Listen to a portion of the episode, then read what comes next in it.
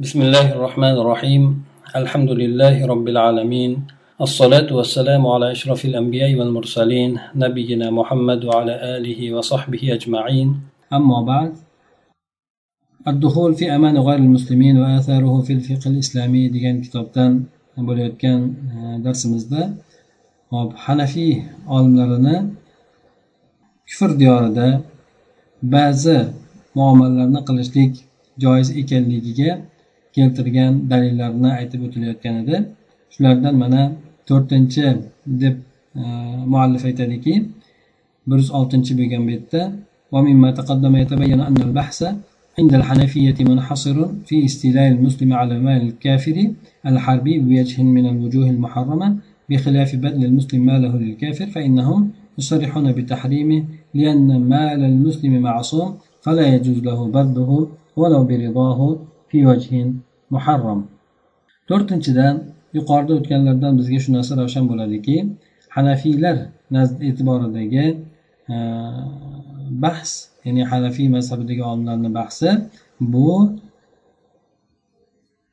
harbiy bo'lgan musulmonlarga qarshi urushayotgan kofir bo'lgan odamni moliga musulmon odam harom bo'lgan yo'llardan bironta yo'l bilan bo'lsa ham egallab olishligiga chegaralangan. Ya'ni musulmon odam ularni mollarini egallab olishligi. Harom bo'lsa ham qanday bir uslublar uslub yo'llar bilan bo'lsa ham deydi. Bu albatta musulmon odam o'zini molini kofirga sarflashligi xilofida deydi. Ya'ni oluvchi musulmon bo'lishlik kerak. Oluvchi musulmon bo'lishlik kerak beruvchi emas. Berishligi bu aytib o'tilgan narsalarni xilofidadir deydi.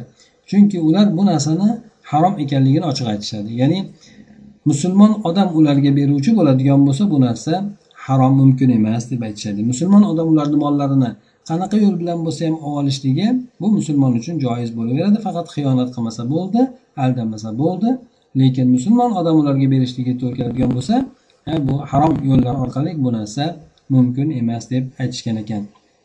Chunki musulmon bo'lgan odamni mol mulki ma'sumdir ya'ni himoyalangan bo'ladi. shuning uchun u garchi o'zini roziligi bilan bo'lsa ham harom uslubda yoki harom yo'nalishda molni sarflashligi musulmonga mumkin emas joiz bo'lmaydi deb aytadi ibn humom aytadilarki إلا أن لا يخفى أنه إنما يقتضي حل حل مباشرة العقد إذا كانت الزيادة زيادة ينالها المسلم والربا أعم من ذلك إذ يشمل ما إذا كان الدرهمان من جهة المسلم ومن جهة الكافر؟ وجواب المسألة بالحل عام في الوجهين. وكذا القمار قد يفضي إلى أن يكون مال الخطر, مال الخطر, مال الخطر للكافر بأن يكون الغلب له. فالظاهر أن الإباحة تفيد نال المسلم الزيادة. وقد التزم الأصحاب في الدرس أن مرادهم من حل الربا والقمار. ما إذا حصلت الزيادة للمسلم نظرا إلى العلة وإن كان إطلاق الجواب خلافه والله سبحانه وتعالى أعلم بالصواب ibn humom bu hanafiy mazhab olimlaridan hisoblanadi bu kishi aytdilarki lekin bu yerda shu narsa maxfiy emaski bu aqdni aqdga muboshir bo'lishlik aqdni aqdda ishtirok etishlik halolligi bu narsa agar musulmon odam ya'ni ziyodani musulmon odam oladigan bo'lsa shuni taqozo etadi. Ya'ni bular aytayotgan halollik bu o'sha ahddan kelib chiqadigan bo'lsa ahdni halolligini shunday taqozo qiladiki bu musulmon odam ular bilan qiladigan muomalasi shunda halol bo'ladiki joiz bo'ladiki agar ziyodani musulmon odam egallaydigan bo'lsa oladigan bo'lsa. Ribo esa bundan ko'ra umumiyroq bo'lgan narsadir. Chunki u shu narsani ham o'z ichiga oladiki ikkita dirham musulmon tomonidan bo'lishi ham mumkin kofir tomonidan bo'lishi ham mumkin. Bu degani nima degani? Bir dirhamga ikki dirhamni almashtirishlik. Masalan aytaylik o'n kronga o'n besh kronni almashtirishlik. Bu narsa o'n besh kron deylik yigirma kron deylik masalan tushunishlik uchun bu narsa ya'ni musulmon tomonidan beruvchi musulmon tomoni ham bo'lishi mumkin yoki kofir tomoni ham bo'lishi mumkin. Ikkala tomondan bo'lishligi mumkin. Masalani javobi halollik bilan bu halol bo'ladi degan masalani javobi bu ikkala suratda ham umumdir. Ko'rinishi bo'yicha ikkala suratda ham umumdir. Ya'ni musulmon odam kofir odam bilan bir dirhamni ikki dirhamga almashtirsa bo'laveradi degan gap go'yoki umumdek ko'rinadi. Xuddi shuningdek qimor ham ba'zan xatar molini kofir uchun bo'lishligi ya'ni e, unga g'alaba unga bo'lib qolishligi u yutib olishligi e'tibori bilan molni xatarga turishligi kofir uchun bo'lishligiga ham olib boradi deydi. Ya'ni qimorda bir ikkala tomon molini xatarga qo'yadi bir tomon yutadi.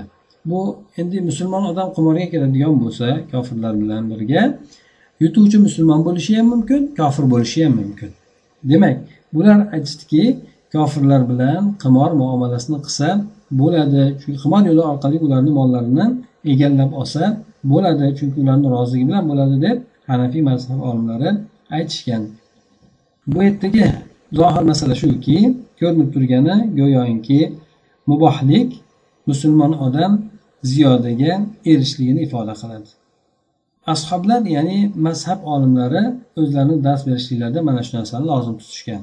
Ya'ni ziyodani musulmon odam oladigan bo'lsa ana unda halol bo'ladi. Ya'ni bular bu bilan murodi shuki ya'ni ribo halol bo'ladi yoki qimor halol bo'ladi deb aytgan gapidagi murodi shuki bu yerda o'shandan keladigan ziyoda musulmon odam uchun hosil bo'ladigan bo'lsa bu narsa albatta illatga qarab bo'ladi. Illat nima edi? Ya'ni illat aslida kofir bo'lgan odamni mol mulki halol ekanligi. Buni musulmon odam qanday yo'l bilan bo'ladigan bo'lsa ham ularga xiyonat qilmasdan aldamasdan olishligi joiz bo'ladi deb aytishgan edi. Ana demak ana o'sha illatga e'tibor qilinadigan bo'lsa ziyoda musulmon uchun hosil bo'ladigan bo'lsa bu narsa halol bo'ladi deb aytishgan. Agar garchi bu yerda javobni uni xilofida aytishlik mumkin bo'lsa ham yoki aytilgan bo'lsa ham ya'ni yuqorida aytib o'tilgandek bir dirhamni ikki dirhamga almashtirishlik joiz bo'laveradi deyishgan yoki qimorda joiz bo'laveradi deb aytishgan. Ya'ni garchi bu yerda yutadigan odam kofir tomoni bo'ladigan bo'lsa ham masalan nima so'z shuni ham o'z ichiga olishligi mumkin lekin bu yerda ularni hanafiy mazhabini olimlarini maqsadi ziyodani musulmon odam oladigan bo'lsa ana o'shanda bu narsa joiz deb aytishgan. Bu yerda buni e'tibori shuki musulmon odam ularni mollarini olishligi xiyonat qilmasdan aldamasdan olishligi qanaqa harom yo'llar bilan bo'ladigan bo'lsa ham joiz deb aytishadi. Ana o'shanga suyangan holatda bunday suratini bo'laveradi deb aytishgan alloh subhanava taolo alamu bisavob deb bu kishi aytadi. Ibn obidin bu kishi hanafiy mazhab olimlaridan bu kishi dimashqiy dimashqdan aytadiki bu masalani ko'chirib turib ya'ni o'sha ibn humomni gaplarini keltirib turib bu kishi ham mana shu so'zlari bilan u kishini ibn humomni gaplarini quvvatlagan holatda aytgan ekanki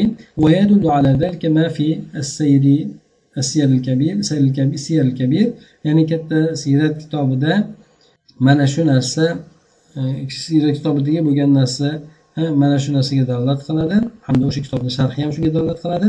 Chunonchi unda aytadiki agar musulmon odam doril harbga omonlik bilan kiradigan bo'lsa ulardan mollarni faqat ko'ngil xotirjamligi roziligi bilan olishlikgina zarar bo'lmaydi. Bu qanaqa suratda bo'lishidan qat'iy nazar rozi bo'lib beradigan bo'lsa buni olsa bo'laveradi deb aytishadi. Chunki bu yerda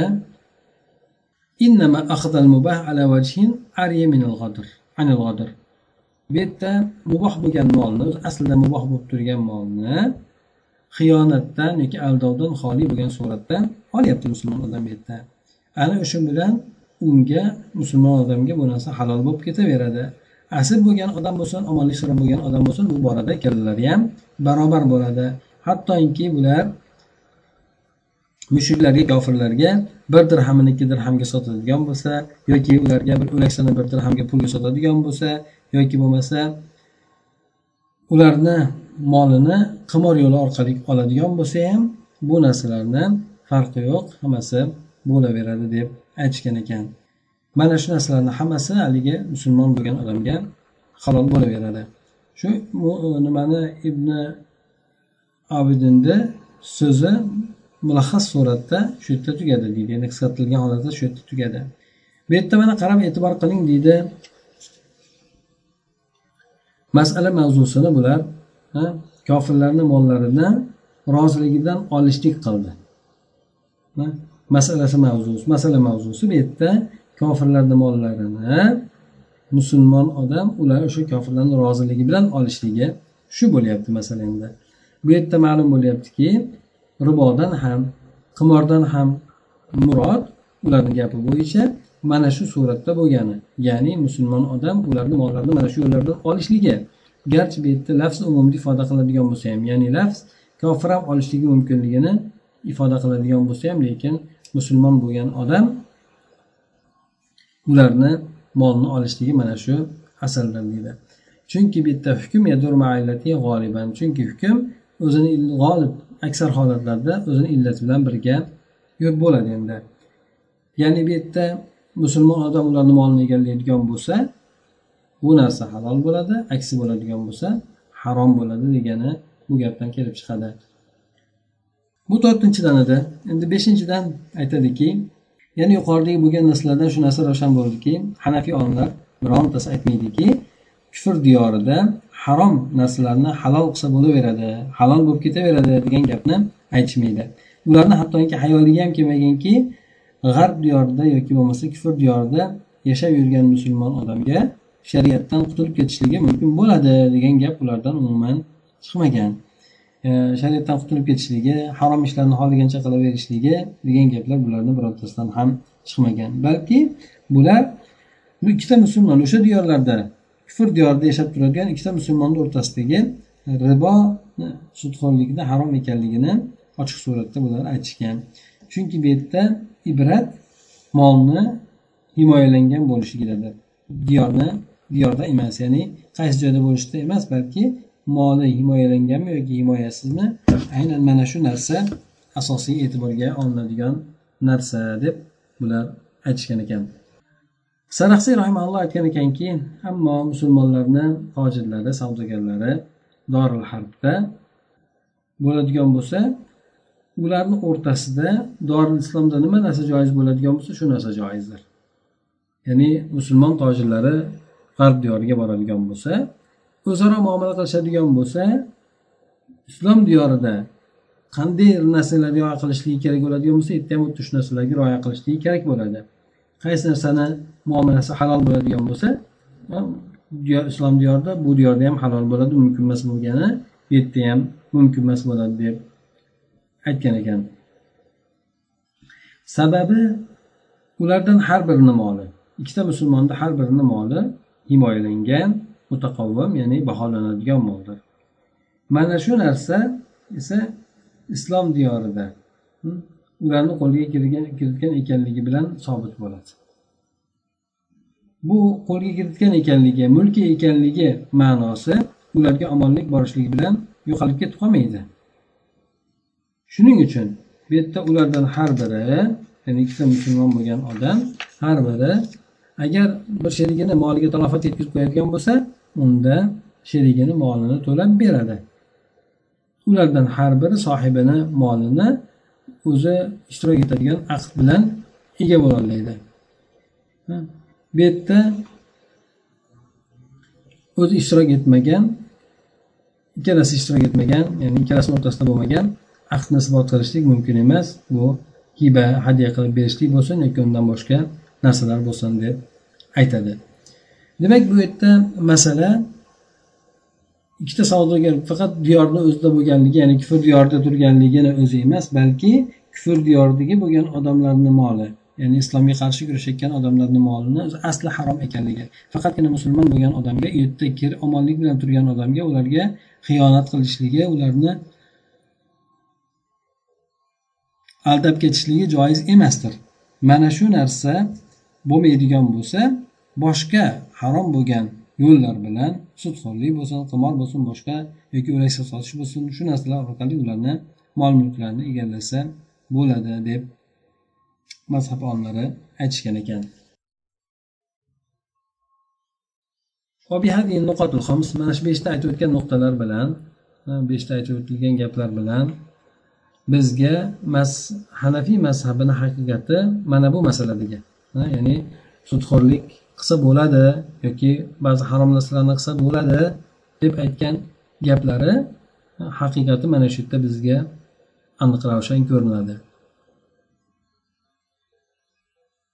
Endi kim o'ylasaki bular kufr diyorida harom bo'lgan narsalarni halol deyishadi deb bular haqida o'ylagan bo'lsa bular bo'laveradi harom bo'lgan narsalarni kufr diyorida bo'lsa halol qilishaveraveradi deb kim aytadigan bo'lsa bu u mazhab olimlariga tuhmatni qilgan bo'libdi katta tuhmat qilgan bo'libdi.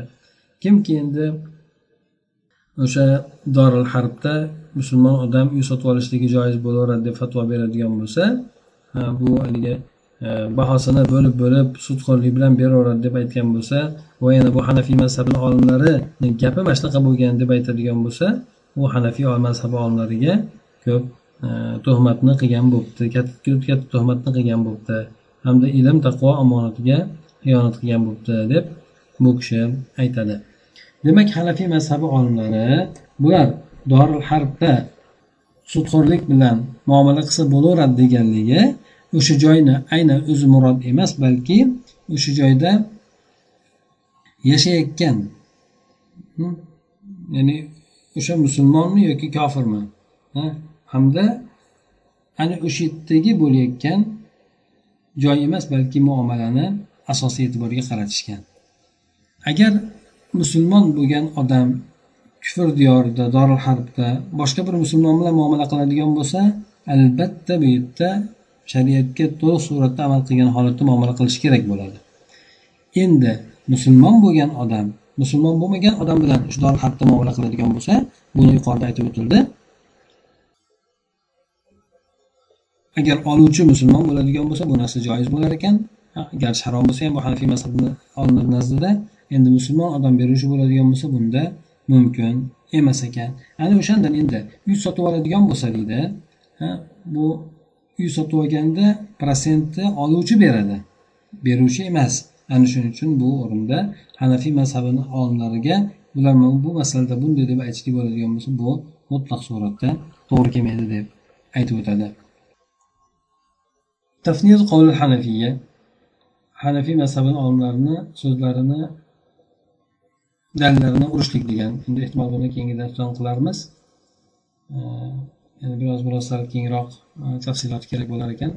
سبحانك اللهم وبحمدك نشهد أن لا إله إلا أنت نستغفرك ونتوب إليك.